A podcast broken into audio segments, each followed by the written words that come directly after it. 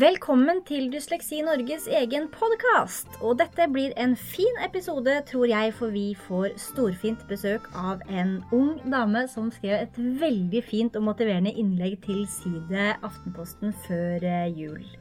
Jeg heter Karoline Solem, og jeg skal være din podkastvert i dag.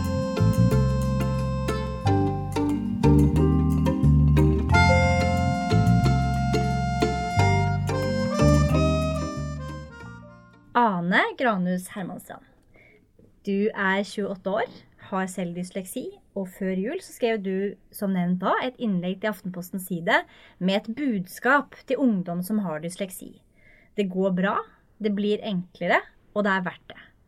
Hvorfor var det viktig for deg å skrive dette innlegget? Nei, Det var egentlig en uh, spontan reaksjon på uh, det innlegget som ble skrevet av uh, hun, Jeg må sjekke navnet hennes. Hun heter vel Petrine Haugnes. Petrine Haugnes. Hun er 18 år og dyslektiker og skrev et ganske altså det synes jeg er ganske motiverende innlegg om at hvordan dysleksi gjorde henne sterkere og flinkere til å arbeide, og at det var veldig mange gode folk som hadde dysleksi. Statsministeren bl.a. Albert Einstein. og jeg, jeg ble litt sånn imponert, for jeg hadde ikke den innstillinga når jeg var 18 år og gikk på videregående og hadde dysleksi. Nei. Så jeg følte jeg, jeg følte jeg bare måtte svare henne med perspektivet ti år etterpå. For nå har jeg litt det perspektivet hun, hun har. Men eh, det hadde jeg ikke da, så jeg hadde lyst til å skrive bare for dem som står midt oppi det, eh, at det er, det er vanskelig. Mm. Det er jæklig urettferdig, men det er vanskelig. Men det blir bedre. Bare stå i det. Det blir bedre, kan Mm. jeg si ti år etterpå. Mm. Mm. Så hvor, for hvordan hadde du det da? Den gangen? Den gangen eh, husker, jeg huset spesielt på, på videregående, siste året videregående, eh, da, hadde, da hadde jeg fått utvida tid på eksamen. Jeg hadde lov til å bruke eh, og tentamen, hadde lov til å bruke ordbok, og fikk også hjelp til å slå opp i ordbok for å se på ord under eh, eksamen. Men eh, det jeg hadde utsatt og ikke hadde gjort, var å søke fritak fra nynorsk, Mm. altså sidemål. Eh, Det hadde jeg muligheten til å gjøre, men jeg, jeg, jeg var spesielt da ganske sta Mm. og ærekjær, og skulle greie det eh, så mye normert som overhodet mulig. Mm. Det ble for mye. Eh, Jeg husker det var en torsdag, og jeg var, jeg, jeg, det var på høsten. Første semester var det i alle fall, eh, i siste året på videregående. Og jeg bodde jo på hybel, flytta jo hjemmefra da jeg var 16 for å gå på videregående. Eh, Det bygda. Mm. uh, og da uh, husker jeg var på telefon med faren min, og jeg var helt, jeg var helt utslettet. Så han sa uh, nå pakker du sakene dine, og så kommer du hjem. Mm. På en torsdag skipper skolen i morgen. Så slapper vi av. Fikk henta oss inn igjen. Ikke noe skolearbeid i tre dager. Og så kom tilbake igjen, så søkte han fritak fra nynorsk. Ja. Og da ble det bedre. ja. For da hadde du fått diagnosen. Da hadde jeg fått diagnosen ja. Men du fikk den ganske sent, skriver du i det innlegget. Hva tenker du om uh, å komme i gang så seint med så viktige ting? Positive og negative der. Altså, jeg jobba jo som en hest. Jeg jobba jo som en hest. Um, jeg var jo veldig arbeidsom. Uh, og det som jeg har snakka med foreldrene mine om her, uh, var jo at jeg, de hadde vel egentlig ville at jeg skulle ta en sånn uh, en utredning for dysleksi tidligere. Mm. uh, allerede i åttende klassen. Men jeg var vel litt sånn Hadde ikke lyst til å innrømme at jeg hadde et problem, og skulle klare dette her Mm. sjøl. Så det var du som ikke ønsket egentlig det Ja, på det tidspunktet? det Mm. tidspunktet så var det det. Eh, og så når de endelig fikk meg håper jeg, si, fikk meg med på det, eh, så, så var det Da var jeg jo flink. Mm. Jeg hadde jo ikke dårlige karakterer. Nei. Og jeg fikk jo til å henge med. Jeg hadde, jeg hadde jo mye skrivefeil, men jeg hadde ikke noe problem med å lese. Mm. Uh, men jeg hadde mye skrivefeil som alle ble bedre. Uh, så det som, uh, det som ble på utredninga med PPT, var at det var Ja, det var mye skrivefeil, men jeg tror de skrev noe sånt som at vi tror det går seg til etter hvert. Ja, de skrev det, ja. Ja, Mm. PPT skrev det i utredninga si. Mm. Og så, eh, men så har jeg jo hatt lær, eh, lærere som har vært veldig flinke og sett at her er det noe som ikke stemmer, og som har stått på for at jeg skulle få tilrettelegging. Foreldrene mine er lærere begge to. Mm. Eh, noe som har gjort veldig for dem. Nummer én, de visste jo litt hvilke tiltak de skulle gjøre hjemme. Mm. Og to, de var jo informert om rettigheter og muligheter. Ja. For jeg tror det er litt vanskelig jeg kan se for meg Nå er jo dette ganske langt tilbake at jeg gikk på ungdomsskolen, men jeg kan se for meg for en eh, forelder eh, så, som ikke har sette Som ikke har satt seg inn i altså, PPT, Nav, tilrettelegging, og visste ikke hvor man skal gå, og så si seg imot et vedtak og klage, Mm. og gå hele den runden, få med seg lærere, og det Det er tungt. det er tungt, ja. Det kan jeg se for meg tungt. Og det har jeg jo uh, snakka om i ettertid. eh, Ja. At de opplevde det som litt grann tungt. da. For faren min sa Ja. det. Mm. Ja, Hvordan opplevde foreldrene dine denne kampen? Var det en, var det en kamp for dem? Eh, det- det var Altså, den var jo Kamp Ja, nei, altså, en, en liten kamp tror jeg, nok, eh, tror jeg nok det var. Men jeg tror det som var vanskeligst for dem, var jo å se, eh, se at jeg var så klar. Mm. Jeg var så sliten. Mm. Uh, at jeg arbeidet og arbeidet, og det, det ble ikke bedre. Mm. Det tror jeg kanskje er det som må være tøffest for en forelder å se at ungen din vil veldig, men får det ikke til, og blir veldig sliten, Mm. rett og slett. Mm. Det tror jeg nok jeg var ganske tøft. Mm. Men det gikk jo bra. Det gikk bra. Det gikk veldig bra. Du, eh, du kom jo gjennom det, og du skriver i innlegget ditt at brikkene falt på plass litt etter hvert. Det kom lydbøker, det kom de fritakene du trengte fra karakter osv. Mm. Eh, og så tok du en utdanning, en bachelorgrad. Yes. Hva tok du utdanning i? Internasjonal kommunikasjon. Norsk og engelsk. Markedsføring. Ja. Og skriftlig. Hvordan syns du det gikk? Hvordan var det å studere? Altså, det gikk jo overraskende bra. Jeg hadde jo, da hadde jeg jo kommet ut fra videregående og ungdomsskolen og hadde tida bak meg. Eh, Så nå visste jeg litt hva jeg trengte. Jeg visste Mm. at jeg, jeg trenger ekstra tid på eksamen. Mm. Eh, og jeg håper å si trenger en PC. Nå husk på, når jeg gikk på ungdomsskolen i 2006, så var ikke eh, digitale hjelpemiddel var ikke noe sånn vanlig. Det fikk du hvis du hadde behov for det. Mm. Type lese- og skrivevansker eller noe sånt. Det er ikke sånn som jeg ser blir mer og mer vanligere nå, at det er PC og iPad alle i klasserommet uansett. Mm. Uh, uh, men på høgskolen så da hadde jo begynt å blitt vanlig å gjennomføre eksamener og tentamener på PC. Så da var ikke det noe stort problem. Uh, og da gikk jeg til spesialpedagogen på, på høgskolen. Mm. Bare så jeg skal ha tilrettelegging. Måtte ha en, ny- ta en ny test for å bare se at jeg hadde dysleksi. Mm. Ennå. Ja. Det hadde jeg. Det hadde jo ikke gått over. det er det som er litt dumt med det. Men det hadde jo ikke gått over, så da fikk jeg eh, Så det var jo ikke noe problem. Eh, Fikk jeg òg søkt tilgang til lydbøker. Ja. Eh, Noen av de lydbøkene var jo ikke noe spesielt bra. Det var sånn Nei. datastemme. Talesyntese. Mm. Det er ganske tørt. Tungt å høre Tungt på. å høre på. Men så Mm. var det heldigvis noen som hadde en, en som leste opp. Mm. Så jeg vil egentlig ta en liten sånn shout-out til dem som setter seg ned og leser høyt fra tunge markedsføringsbøker for at folk skal få lov til å høre dem på lydbok. Ja. Stå på og fortsett med det. Må være kjedelig, men eh, sett pris på det. Absolutt. Vi trenger, vi trenger disse tilbudene som vi kan få. Ja. Så bra. Så eh, du fikk ganske bra hjelp da, i, eh, av høyskolen da du skulle studere. Men det må jo ha vært tungt likevel? Komme gjennom så tunge teoretiske fag eh, som du har hatt? ja og nei. Altså, på det, tids, på det tidspunktet eh, så eh, så var jeg jo så vant til at det var en stor arbeidsmengde. Mm. Eh, altså, jeg brukte uhorvelig lang tid på lekser, både på ungdomsskolen og på videregående. Og uh, mora mi Jeg snakka med henne litt for å høre hvordan det var før i tida, og hun sa at hun, hun, tror jeg, hun tror jeg var den eneste tenåringen hun har sett som før hun skulle begynne på videregående, altså slutten av tiende, satt og leste læreplanen yeah. og læremålene for å forberede meg på på hva jeg skulle lære på videregående for å kunne være et steg framfor. ja. For det er sånn jeg greide greid å hengt med i eh, undervisningene opp igjennom med at jeg har visst hva som har kommet, Mm. og så forberedt meg på det. Og når du da går over til høgskolen, så er det forventa at du skal gjøre sånn uansett. Mm. For da får du Dette her skal du gjennom på et semester, leseliste. Finne ut sjøl hvordan du gjør det. Du får Mm. ikke lekser fra dag til dag. Så, det var, så da var jo dysleksien allerede forberedt meg på at Mm. sånn man må gjøre det. Jeg vet jo sjøl hvor mye tid jeg trenger for å komme meg gjennom ting. Og det ble nesten, for meg nesten så arbeidsmengden ble mindre. Yeah. Fordi at plutselig hadde jeg jo ikke gym, Nei. matte, mange sånne andre fag. Der her var det konsentrere seg om det jeg skulle gjøre, og legge opp tida mi sjøl. Mm.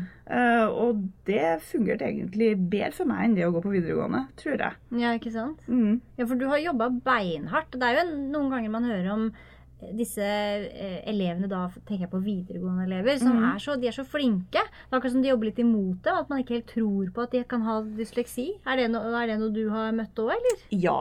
Eh, det er jo For det er jo litt jeg, jeg kan jo forstå det, at det er litt rart at hun eleven som sitter med femmere og seksere i norsk og engelsk, skal ha si, mer hjelp. Mm. Skal hun trenge mer hjelp? Hvorfor ikke heller hjelpe den eleven som, som har fått to? Mm. Hvorfor skal vi hjelpe eleven som ligger i toppsjiktet? Mm.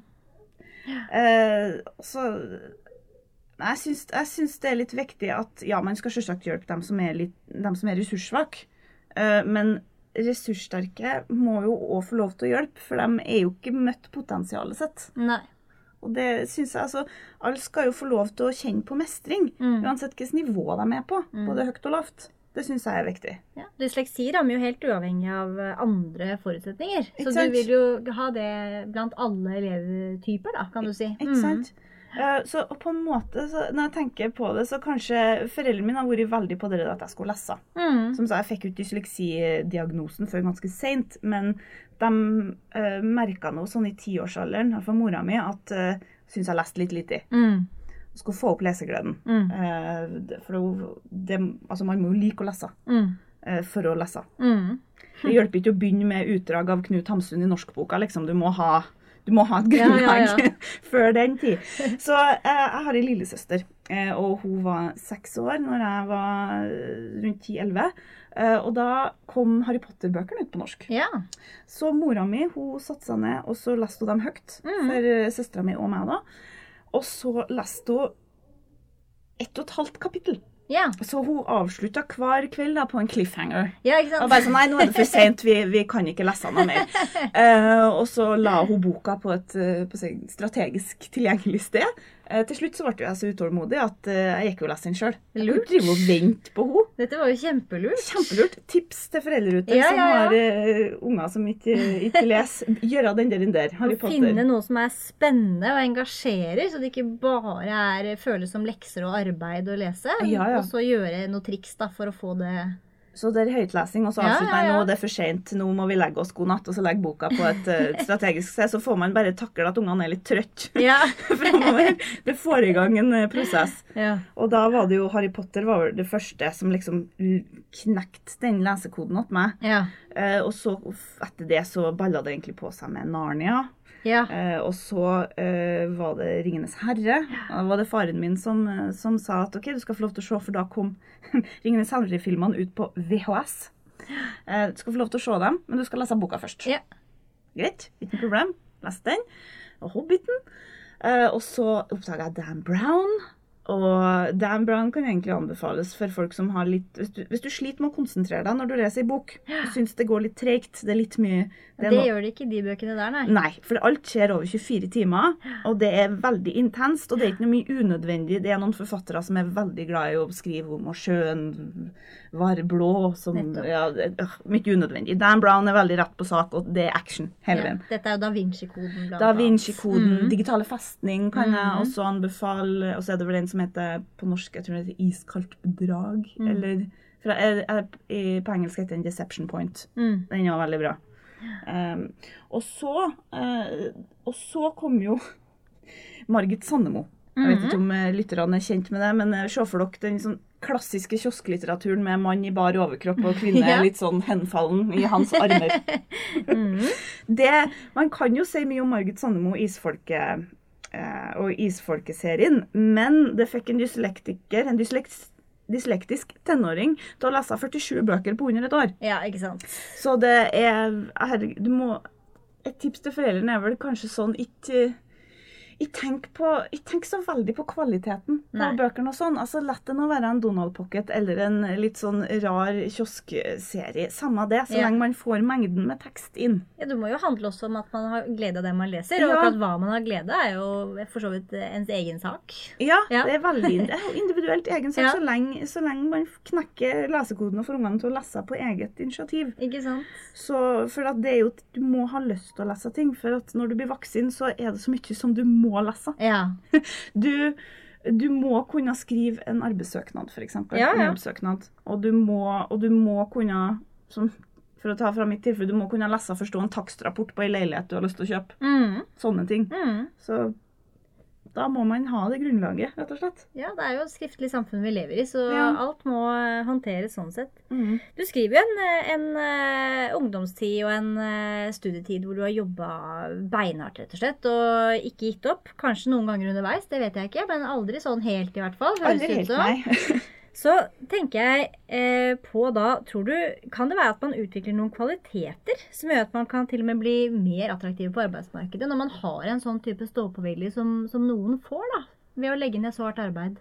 Ja, det tror jeg. Og det nevnte jo hun Petrine som skrev det innlegget òg, at man får en arbeidsmoral Mm. eh, som er veldig sterk.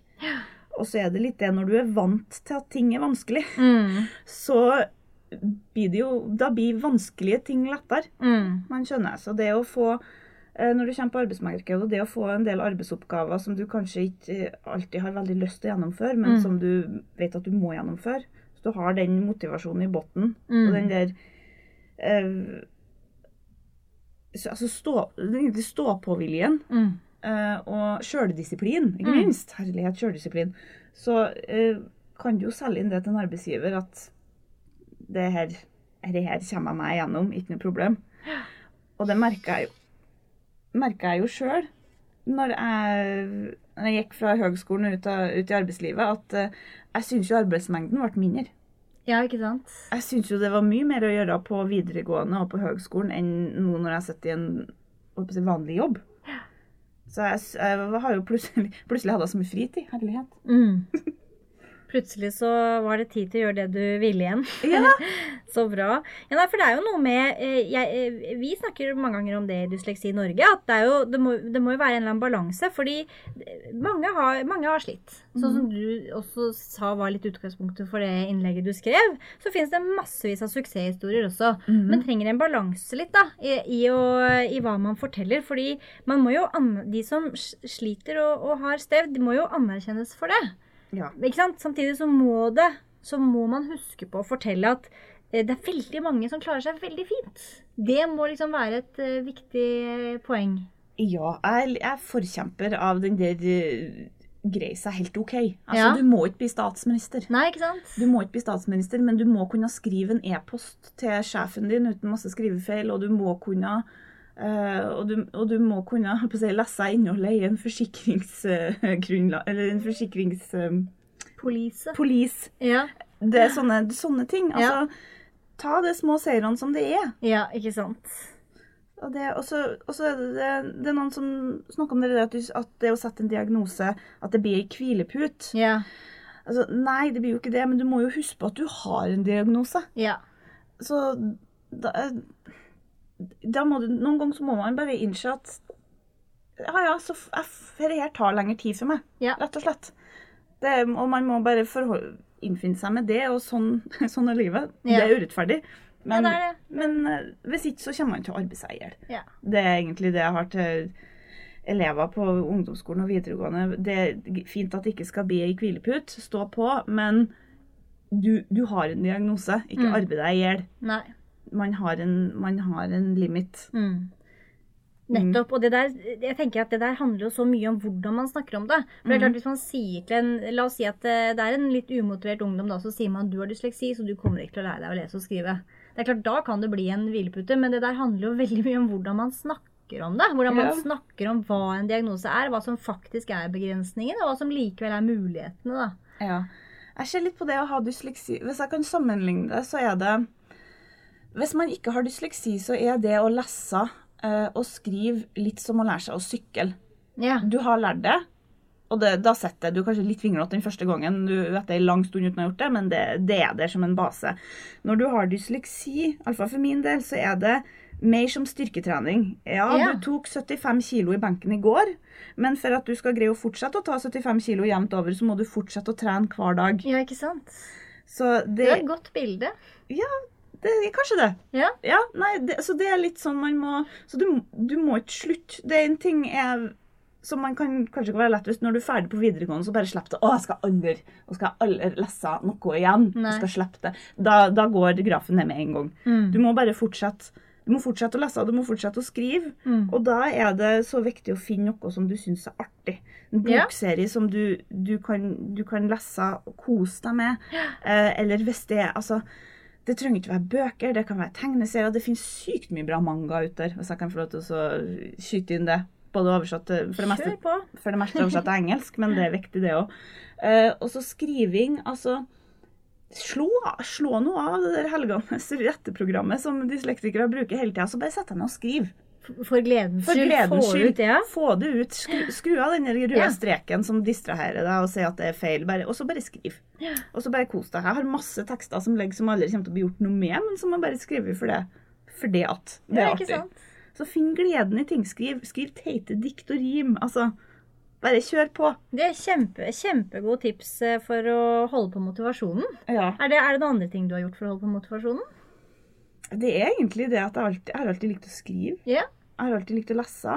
Eh, og, eller ja, på grunn av foreldrene mine, da, må jeg jo si det. De har jo snekket inn Ja. bøker også. Lurt deg hele tiden. Lurt, lurt meg inn i det. Eh, så så annet for å holde på motivasjonen er vel egentlig å, å bare se for deg målet ditt. Altså, eh, og da tenker jeg lenger enn en karakter. Du, jeg tenker på liksom Hva er det du vil? Altså, Hvilken jobb er det du ser for deg sjøl i? ja. Og så, og så bare hold, hold det bildet framme der. Og så visste jeg at dette her Ja, her er slitsomt nå, men det er tre år. Det er tre år, og så er det ferdig. Og så har du, og så har du 20-årene framfor deg, som er bare en, et tiår av gjøre hva du vil. Mm.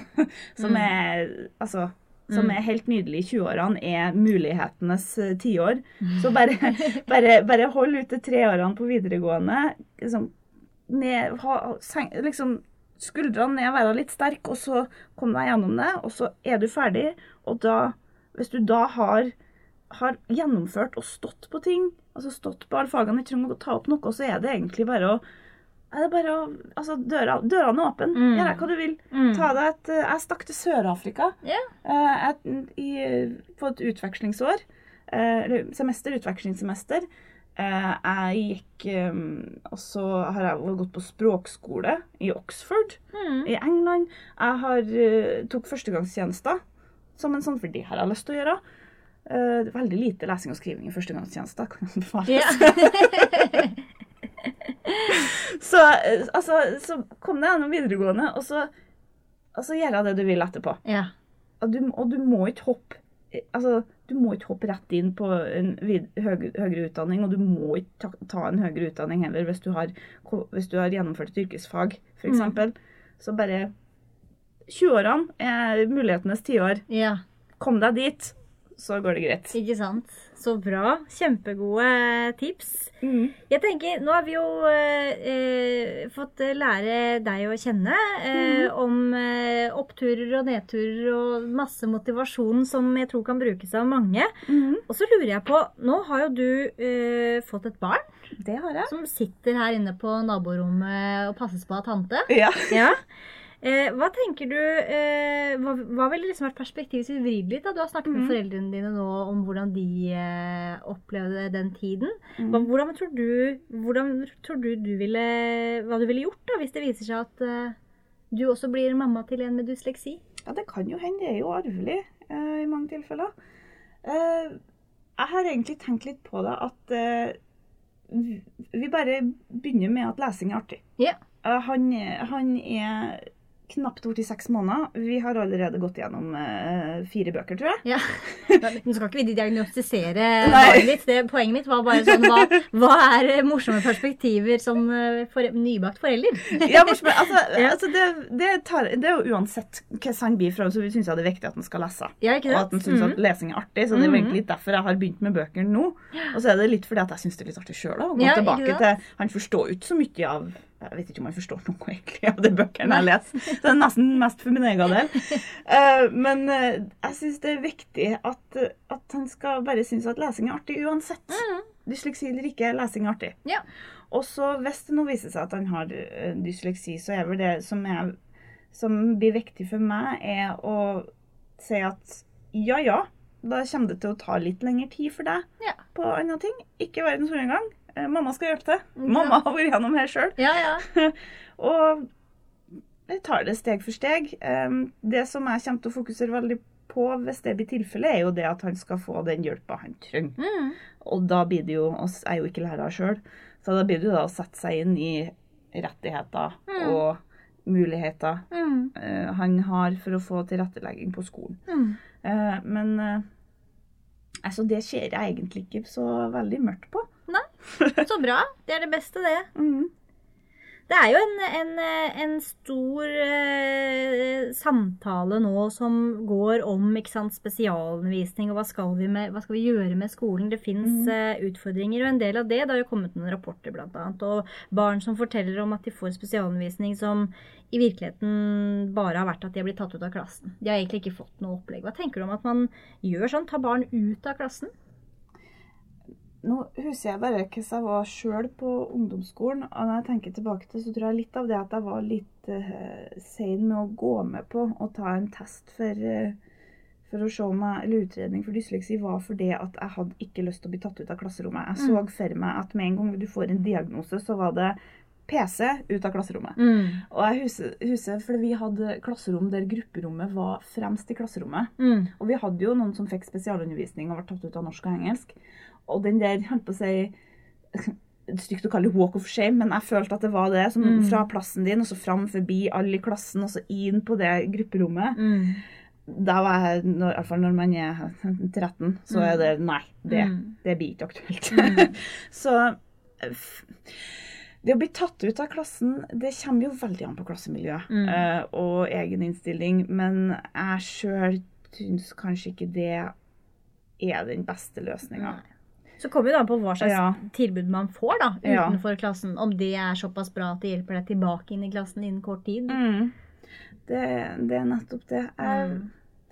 Nei, det der er, det der er litt vanskelig. Mm. Eh, men sånn som når jeg er voksen nå, så ser jeg jo behovet eller nytten av å bli tatt ut og fått en lærer som kan sitte og hjelpe deg med Mm. For min del bare liksom ren sånn ord. Hva betyr Altså ord og skriving og sånn. Mm. Mm. Altså, jeg hadde sikkert hatt eh, godt av å få sittet og liksom terpa på terpa på det som var vanskelig. Mm. Uh, nå greide jeg jo mye av det sjøl hjemme. Mm. Eh, men uh, jeg ser jo det i ettertid. Men så er det det om Hadde jeg vært mottakelig for den hjelpa, Mm. er det en annen. Nei, ikke sant. Ja. Så kan man jo gjøre masse i klasserommet også. Veldig mange mener jo det, at det er masse tiltak man kan gjøre i klassen uten Mm. å ta, ta barn ut av klassefellesskapet. Det er det. Så, Mm. Og nå så er det jo veldig vanlig med, med digitale hjelpemidler. Ja, sånn, absolutt. Sånn, sånn, over hele linja. Mm. Så det å da få et eget retteprogram Mm. på PC-en din og så er PC-en din helt lik den PC-en alle andre i klassen sitter med. Mm. Så det håper jeg, vises ikke så godt. Nei. Eh, Det, det ser jeg jo på som en sånn positiv utvikling. Ja, du blir ikke så annerledes. Nei, du blir ikke Mm. annerledes. Den der at du ikke vil være annerledes. For det er Mm. veldig sånn Ungdomsskolen så er jo det ganske Det er viktig. Sett- Ja, ja, ja. Absolutt. mm. Absolutt. Nei, men så, så bra. Em, har, du, har du noen avsluttende ord som du gjerne vil si til lytterne våre? Altså, det er vel egentlig det at det går bra. Mm. Det, det går som regel bra, men du, du må lese. Mm. Og du må skrive. Og du må ikke slutte med det. Mm. Eh, og da må du finne noe du liker. Mm. Så du må finne noe du liker. Om det er den teiteste kiosklitteraturen som finnes, så lenge, så lenge du liker det, og du får lest, så er det det som betyr noe. Mm. Eh, og så er det bare, som sagt, 20-årene. Mulighetenes tiår. Mm. Det ordner seg. Mm. Ja. Kjempefint. Tusen takk for at eh, du vil eh, besøke vår uh, podkast. Det var kjempetrivelig å være her. Lykke til videre. Så, så gleder jeg meg til å høre resultatet. Det blir nok bra.